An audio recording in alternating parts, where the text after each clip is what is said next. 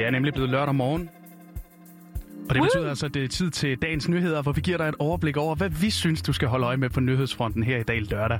Jeg hedder Thijs Eriksen, og med mig i dag, der har jeg dig, Nana Mille. Godmorgen. Godmorgen, jeg er frisk som en havørn. Det håber jeg også, du er.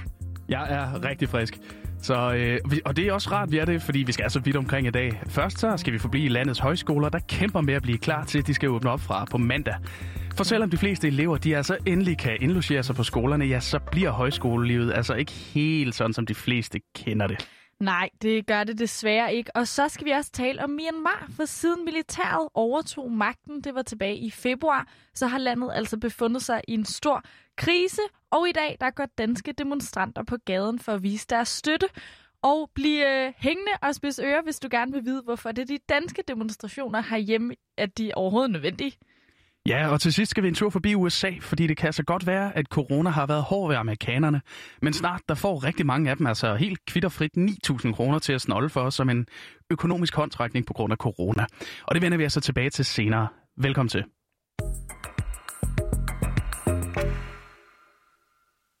Og Nana Mille, har du egentlig været på højskole? Øh, nej, men for det ikke skal være løgn, så var jeg faktisk skrevet op til at øh, skulle på sådan en tur på højskoleforløb lige her nu i februar og marts. Men det er noget, jeg lige at springe fra. Ja, det, er også, det, var, det var et kritisk tidspunkt ellers også. Ja, lige præcis. Og, og det har jo ikke været, været sjovt at være ung her under corona, og det har altså slet ikke været sjovt at være højskoleelev, eller øh, vel nærmere egentlig mangel på samme, fordi højskolerne de har været lukket ned. Men på mandag, der kan eleverne altså endelig møde op på skolerne, og derfor så er der altså også rigtig travlt rundt omkring på landets højskoler lige nu. Der skal både gøres hovedet rent, der skal handles ind, og så skal skolerne altså også inddeles i forskellige zoner. Og hvad skal der så egentlig ellers styre på? Det kan Lisbeth Trinskær gøre os klogere på. Hun er formand for højskolerne i Danmark. Eleverne skal have foretaget en test, inden de ankommer til højskolen, der er mindst 72 timer gammel. Og så skal de øh, øh, få lavet en kviktest på vej ind på skolen. Øh, det er lykkedes at arrangere på, på næsten alle skoler. Øh, og når så vi ved, at de er helt testet negativt, så kommer de træde de ind i skolens fællesskab, kan man sige. Og så bliver de delt op i familiegrupper øh, på en 25-30 personer, øh, og de 25-30 personer må de altså have helt tæt kontakt med, men imellem familiegrupperne, der skal de øh, holde to meters afstand, og det skal de også til medarbejderne. Alle ansatte skal holde to meter imellem sig, men også til eleverne. Og så er det sådan, at de desværre også skal gå med mundbind. Det håber vi meget at få lavet op ganske snart.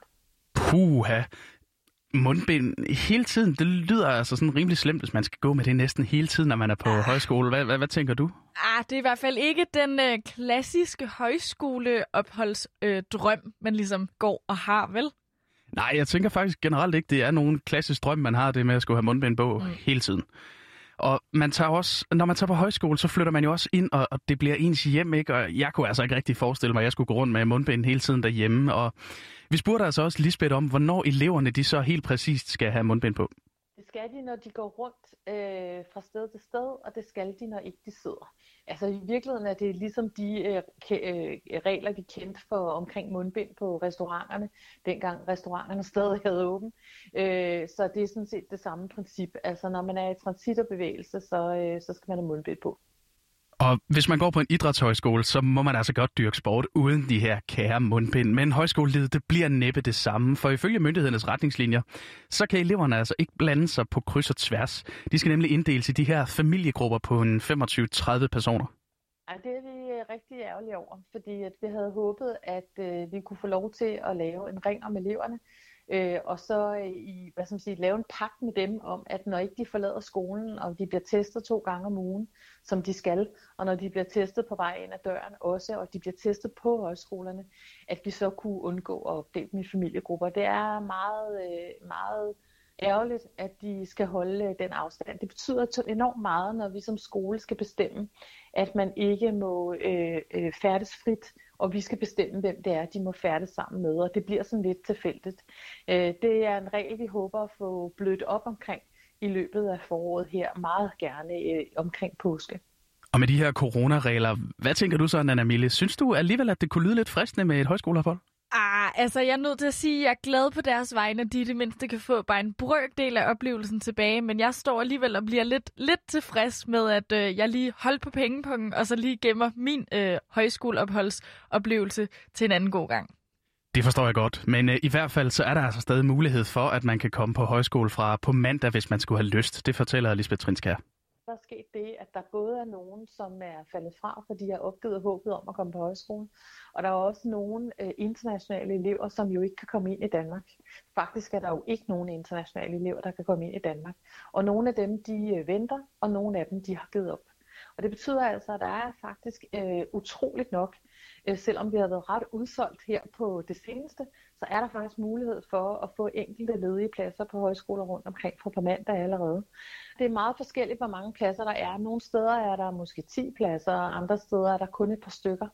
Øh, men det er faktisk ud over hele landet, så det er, jeg tænker, at det er næsten ligegyldigt, hvad man interesserer sig for i det højskoleophold, man gerne vil. Og hvis du så går med en drøm om at komme på højskole inden sommerferien, så kan du altså få et overblik over, hvilke højskoler, der stadigvæk har ledige pladser på højskolerne.dk. Og sidst jeg var inde at tjekke, der var hele 39 højskoler, altså med minimum 5 ledige pladser. Ja, og nu skal det altså handle om noget ret alvorligt, for vi skal tale om det syd østasiatiske land Myanmar, der lige nu befinder sig i den her ret spektakulære undtagelsestilstand. Og det er altså klokken 12 i dag. Det er der, hvor demonstranterne nemlig går på gaden i København. Og i begivenhedernes beskrivelse der på Facebook, der inviteres alle altså til at deltage i en fredelig demonstration for at protestere mod militærkuppet i Myanmar. For i Myanmar, der er situationen altså alt andet end fredelig, og ifølge FN's menneskerettighedsråd, så har mindst 70 personer forløbig, og indtil videre i hvert fald, mistet livet øh, i landet under det her militærkup, der altså skete den 1. februar. Jeg ved godt, det er lidt af et no-brainer spørgsmål, måske Thijs, men hvad tænker du om det, der foregår i Myanmar lige nu? Men altså, det er jo, det er jo groteske scener også, at personer, ja. de, de mister livet for at demonstrere for demokratiet. Det er, det, det er ubegribeligt. Ja, det er det virkelig. Og jeg ved ikke, om du har set nogle af alle de her klip, men der er ligesom sådan nogle, der florerer på de sociale medier. Øh, men her, der kan du i hvert fald høre et kort klip, som YouTube-kanalen What's Happening in Myanmar har lagt op.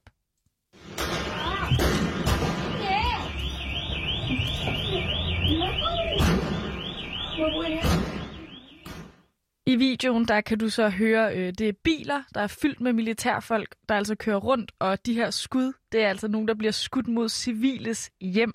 Og det vil danske demonstranter råbe op, op overfor i dag og så sige fra. En af dem, det er Ni Chin Sung, som er født og opvokset i det kriseramte land. Og hende, hende skal vi altså lige møde i det her indslag, som vores gode kollega Henriette Kamp har lavet her engang. Det er svært at beskrive med ord, hvordan virkeligheden er lige nu for indbyggerne i Myanmar. Skudsalver, der sendes afsted mod uskyldige, og demonstranter, der bliver tæsket på åben gade. Men rundt om i verden viser folk deres støtte. Som her med sang for YouTube-kanalen Elizabeth Army. Og herhjemme går unge i dag på gaden for at protestere mod militærkuppet. En af arrangørerne er Nishin Chung, som er født i Myanmar og kom til Danmark i 2011. Hun fortæller her, hvorfor de demonstrerer. Mange af os har set og oplevet det her med at leve under militærstyring. Og vi vil ikke have, at Burma skal opleve det igen. Især ikke de unge og de kommende generationer skal blive under militærstyring. Demonstrationen i Danmark bliver fredelig, men tilbage i hjemlandet foregår det med livet som indsats. De mange unge, selvom de vil gerne komme ud og vise, at de ikke vil have militærstyring. Og det gør de også mange af dem. Men fleste af dem frygter også for deres liv, fordi militær bruger vold mod dem. Over den skræntende telefonforbindelse knækker stemmen. Undskyld. Sorry. For hver dag får hun altså tilsendt videoer fra optøjerne med frygtelige billeder. På video og, og billeder er, um, hvis et barn er med på demonstrationen, eller bare går på gaden, er de ligeglade. De bare slår dem og skyder efter dem og kaste en form for sten efter dem. Det er så svært at forestille sig. For tænk, hvis man selv var derhen, hvad ville der have sket med os? hvad ville der have sket med mig? Det er det, jeg kommer i tanke for hver eneste dag, hver eneste morgen, når jeg står op. Men Nishin er stålsat, og målet med dagen i dag er klart. Vi vil gerne vise uh, civil i Burma, de ikke står alene. Selvom, selvom vi er i andre lande, vi står med dem, vi føler, hvad de føler. Ja, tak. Hvad siger du, Thijs? Uh, det, det, det er altså hårde sager. Det, oh, og, der hun, og hun bryder sammen også. Det, det er altså hårde sager, vi hører her. Ja, det, det er det i hvert fald. Men så kan man sige, så er det jo godt, at der er i hvert fald nogen her i Danmark, som siger fra. Og øh, jeg tænker, øh, Nana Mille, at vi lige skal starte den, øh, den sidste nyhed, vi har med her, med en øh, lille kort quiz. Uh. Ja, så hvis du lige lytter godt efter her. Thank you all. Vi kan jo starte med, hvem du tror, det var, vi lige hørte her. Ja, og det kan jeg godt svare på. Og det kan jeg altså ikke kun, fordi der er en, der har skrevet svaret til mig her i manus. Jeg kan godt gætte det alligevel. Det er altså Joe Biden. Ja, det er det, og øh, vi hører lige lydbiden igen, og nu skal du altså så gætte, hvorfor han i det her klip slår en kuglepind i bordet og takker pressen for fremmødet. Thank you all. Okay, der vil jeg sige, der er ikke nogen, der har været så sød at hjælpe mig at skrive svaret der, så øh, der må jeg altså være der svært skyldig. Kan du ikke fortælle mig, hvorfor? Jo, Joe Biden han har sat sin underskrift på The American Rescue Plan, en stor coronahjælpepakke, som altså skal hjælpe de amerikanere, der virkelig lider under corona. Og det er altså lige før den her pakke, den giver mig lyst til at være amerikaner, bare lige for en dag. okay, hvorfor det?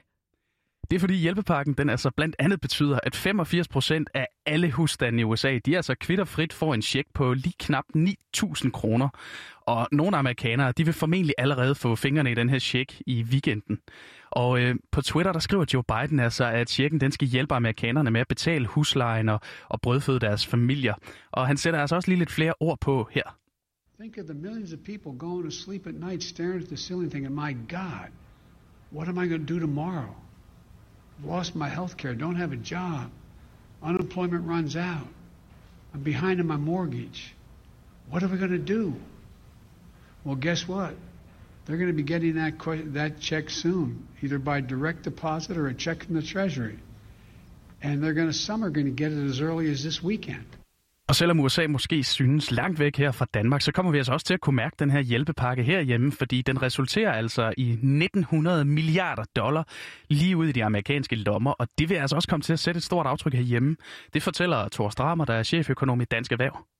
den her gigantiske hjælpepakke, den, den falder på et rigtig tørt sted. Øh, coronakrisen har været øh, meget slem, særligt i USA, hvor vi fortsat er i en situation, hvor der er tabt 10 millioner arbejdspladser i forhold til før coronakrisen ramte. Øh, herhjemme har vi også et øh, betydeligt øh, jobtab, og, og væksten er stadigvæk lav.